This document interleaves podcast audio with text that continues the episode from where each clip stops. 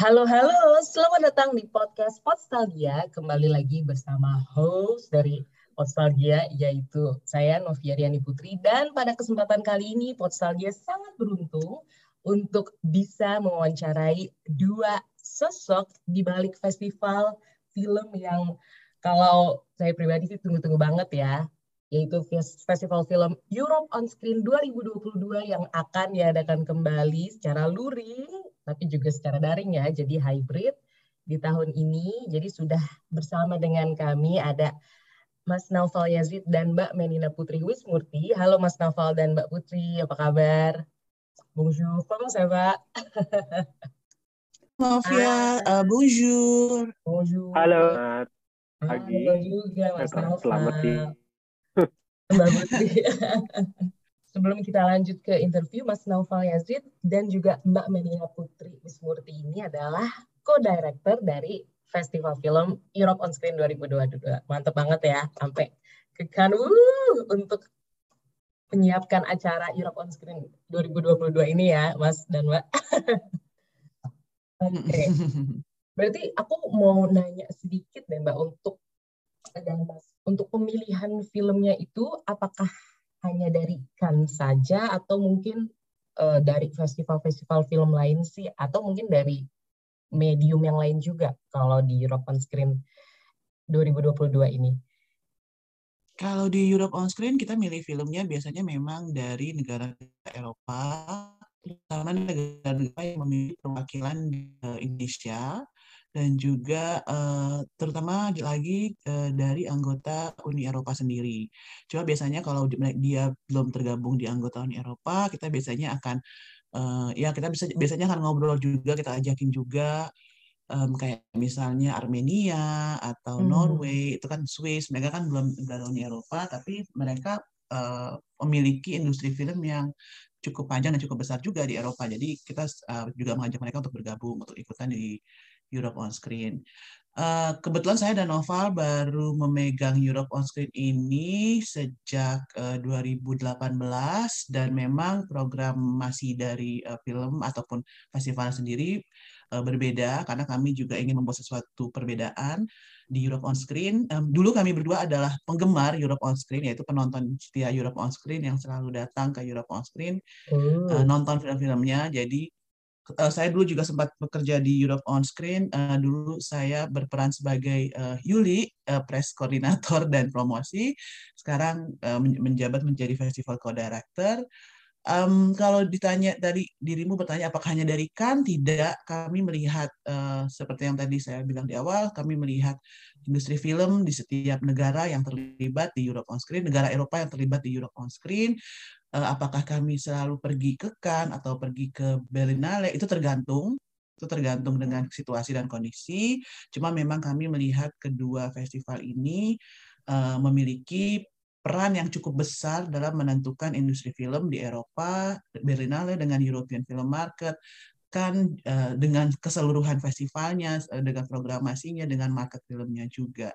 Nanti mungkin Noval akan menambahkan lebih lanjut soal uh, programasi film kita. Ya, terima kasih Putri sudah dijelaskan dengan cukup detail bahwa kami tidak hanya merujuk ke kan untuk melakukan kurasi, melakukan program film, tapi juga ke festival-festival lain dan kami juga mendapat rekomendasi dari fest dari festival film organizers lain, dari sales agent distributors juga, dan juga tentunya rekomendasi dari Eh, kedutaan-kedutaan negara-negara Eropa yang terlibat dan mendukung Europe on Screen. Hanya saja memang keputusan untuk memilih dan menentukan film-film apa saja yang akan diputar di Europe on Screen itu tergantung dari kami sebagai festival co-director karena kami juga eh, kami, karena kami yang juga lebih tahu ya karena melihat langsung uh, preference audience kita uh, sorry preference audience Europe on Screen itu setiap tahunnya seperti apa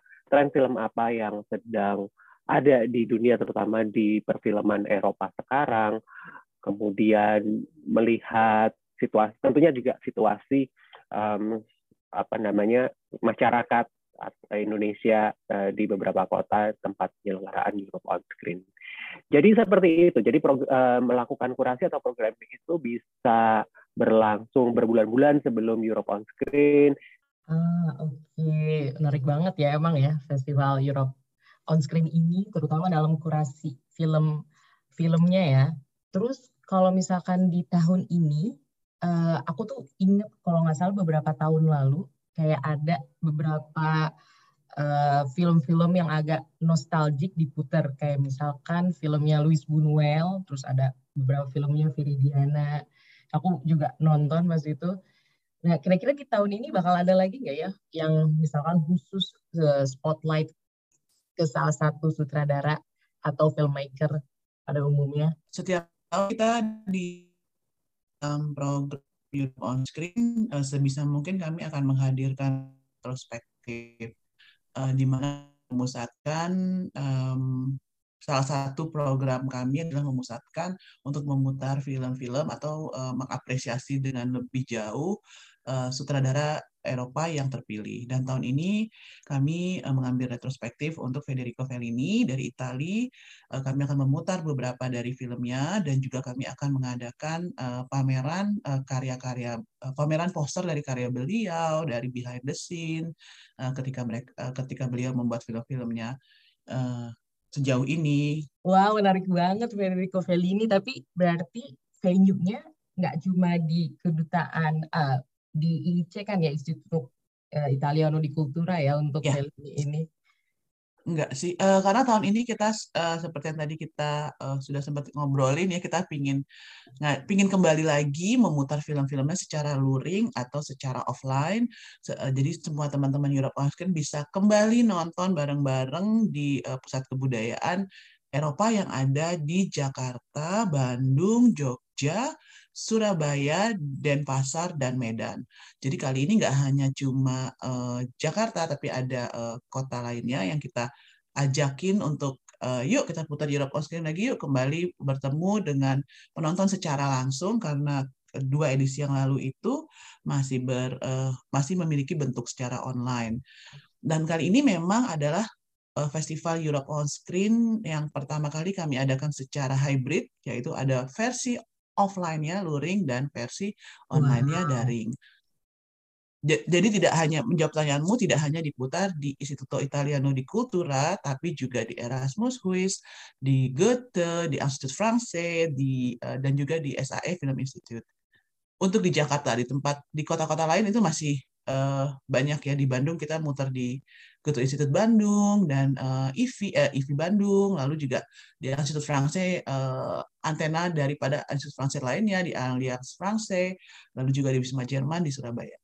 Wow, ya menarik sekali apalagi kalau misalkan hybrid kalau menurut aku sih bakal lebih inklusif juga ya karena mungkin yang kotanya mungkin tadi tidak disebutkan bisa tonton juga dari daring terus kalau orang-orang yang pengen banget udah nggak sabar nonton di tempat langsung secara luring seperti saya juga saya nggak sabar banget itu bisa datang langsung jadi bisa mencakup untuk semua ya. Tapi kalau misalkan aku boleh tanya tantangan terbesar apa sih untuk mengadakan festival secara hybrid ini? Secara ini pertama kali kan ya? Val mau jawab nggak Val tantangannya? Boleh uh, ya tantangannya cukup banyak. Pertama, pertama tentu dari segi infrastruktur ya. Walaupun kita sudah dari dari dua tahun terakhir sudah mengadakan festival ini secara virtual, tapi tentu saja ada persiapan yang lebih banyak uh, harus dilakukan kalau dibanding dengan mengadakan festival hanya secara virtual atau hanya secara offline atau daring. Dan tentu saja ini adalah pengalaman, ah, tentu saja ini adalah pertama kalinya kami mengadakan festival secara offline atau secara luring lagi setelah dua tahun. Jadi nggak tahu deh, kayaknya skills kami dalam mengorganisasi festival mungkin sedikit agak rusty atau sedikit agak kaku mungkin karena kayak setelah dua tahun nggak nggak bikin uh, kegiatan secara offline, sekarang harus bikin lagi. Uh, tantangannya terutama juga mem memastikan bahwa penonton yang hadir dalam dalam pemutaran secara luring harus hadir dalam keadaan sehat dan make sure mereka merasa aman dan nyaman juga ketika menonton. Jadi sekarang persiapan secara intensif sudah kami lakukan dengan semua venues atau semua tempat pemutaran, memastikan bahwa protokol kesehatan sudah ada, memastikan bahwa tempatnya memang akan selalu dibersihkan secara berkala dan secara rutin. Lalu sebenarnya kalau dari segi program agak agak agak adanya tantangan untuk mencari film yang mau diputar di festival secara online. Hmm. Karena memang kebanyakan para pemilik hak cipta film uh, tentunya mereka lebih uh, menyukai atau prefer filmnya diputar secara offline ya di tempat either itu di bioskop atau di tempat pemutaran tapi dilakukan secara offline karena penonton juga bisa menikmati secara proper atau dengan lebih baik. Tapi uh, ya kami bersyukur masih ada film-film yang juga mengerti dan mau diputar secara online karena kami bilang kalau diputar secara online kita bisa menjangkau penonton yang jauh lebih luas dan jauh lebih banyak. Jadi itu sih beberapa tantangannya. Iya, di balik setiap tantangan selalu ada plus minusnya ya. Tadi misalkan yang kalau secara daring bisa menjangkau audiens secara lebih luas, tapi kalau luring karena mungkin sudah dua tahun, jadi harus readaptasi dengan situasi yang ada yang mungkin bukan mungkin lagi, memang sudah pasti berbeda dari terakhir kali uh, Festival Europe on Screen ini diadakan secara luring tahun 2019 dengan protokol kesehatan ya kalau misalkan sekarang dan tidak terasa ya sudah kurang lebih 15 menit lebih ngobrol-ngobrol. Oh ya ampun. Cepet ya. ya. Ngobrol-ngobrol bareng Mas Naval dan Mbak Putri yang merupakan festival co-directors dari Europe on Screen 2022. Terima kasih sekali lagi dan tentunya buat teman-teman yang sedang mendengarkan ini jangan lupa untuk catat tanggalnya dari penyelenggaraan Europe on Screen 2022 jadi Festival Film Europe on Screen 2022 ini akan diadakan dalam format hybrid. Dan Festival Europe on Screen 2022 ini atau EOS 2022 akan diadakan dari tanggal 16 sampai 30 Juni 2022. Catat ya. Dan karena ini hybrid, jadi akan diadakan secara offline dan juga diadakan secara online. Yang offline, catat ya tanggalnya 16 hingga 26 Juni 2022 di beberapa kota besar di Indonesia seperti Jakarta, Bandung, Denpasar, Medan, Surabaya, dan Yogyakarta. Sementara itu penayangan online dapat diakses oleh teman-teman di seluruh Indonesia melalui situs festivalscope.com atau mungkin bisa pakai VPN juga ya kalau di luar negeri VPN-nya diubah ke Indonesia mulai 20 hingga 30 Juni 2022. Baik Road to EOS 2022 dan EOS 2022 diadakan secara gratis tistis tidak dikenakan biaya jadi jangan lewatkan ya teman-teman semua. Dan mungkin dari Mbak Putri atau Mas Naufal mau kasih um, kesan pesan atau mungkin statement sebelum kita tutup sesi wawancara ini thank you Novi. Um, ya, jadi Festival Europe on Screen 2022 kita akan kembali hadir dari tanggal 16 sampai 30 seperti yang tadi Novi sudah ceritakan. Ada yang di offline di di kota uh, Jakarta, Bandung, Yogyakarta, Surabaya, uh, Denpasar dan di Medan.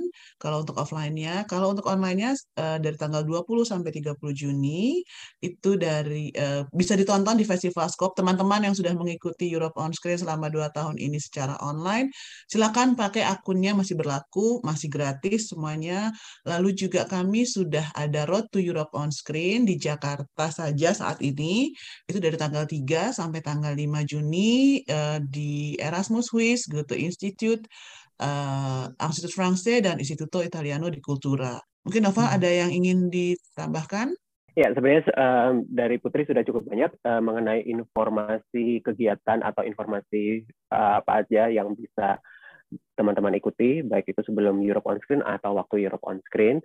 Dan karena format Europe on Screen ini masih hybrid, kami masih akan melakukan virtual Q&A dengan beberapa sutradara yang film-filmnya diputar di Europe on Screen. Jadi saat ini sudah ada sekitar lebih dari 10 sutradara yang sudah mengkonfirmasi kehadiran mereka secara virtual tentunya di Europe on Screen nanti. Dan oh ya, uh, kami akan hadir dengan tradisi surprise screening yang sudah absen selama dua tahun karena festivalnya berjalan virtual.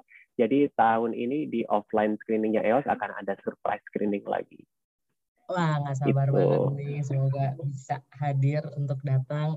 Dan seperti yang tadi Mbak Putri juga bilang ya, akan selalu ada uh, live Instagram di akun Europe on Screen. Jadi teman-teman juga jangan lupa untuk follow Instagram dari Europe on Screen di @europe on Screen E U P E U R O P E O N S C R E N.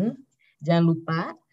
Dan di sana banyak banget ada informasi untuk tidak terlewat informasi dari EOS bahkan beberapa hari lalu sempat ada live Instagram langsung dari Kan yang direkam oleh Mas Naval dan Mbak Putri. Kamu sempat kamu sempat nonton. Iya, Thank you ya. Mbak. Oke, itu aja interview dari uh, interview Potsalgia bersama Mas Naval dan Mbak Putri dari Europe on Screen 2022. Dan sekali lagi terima kasih dan sampai jumpa di Europe on Screen 2022 ya. Iya, sampai jumpa ya Naf.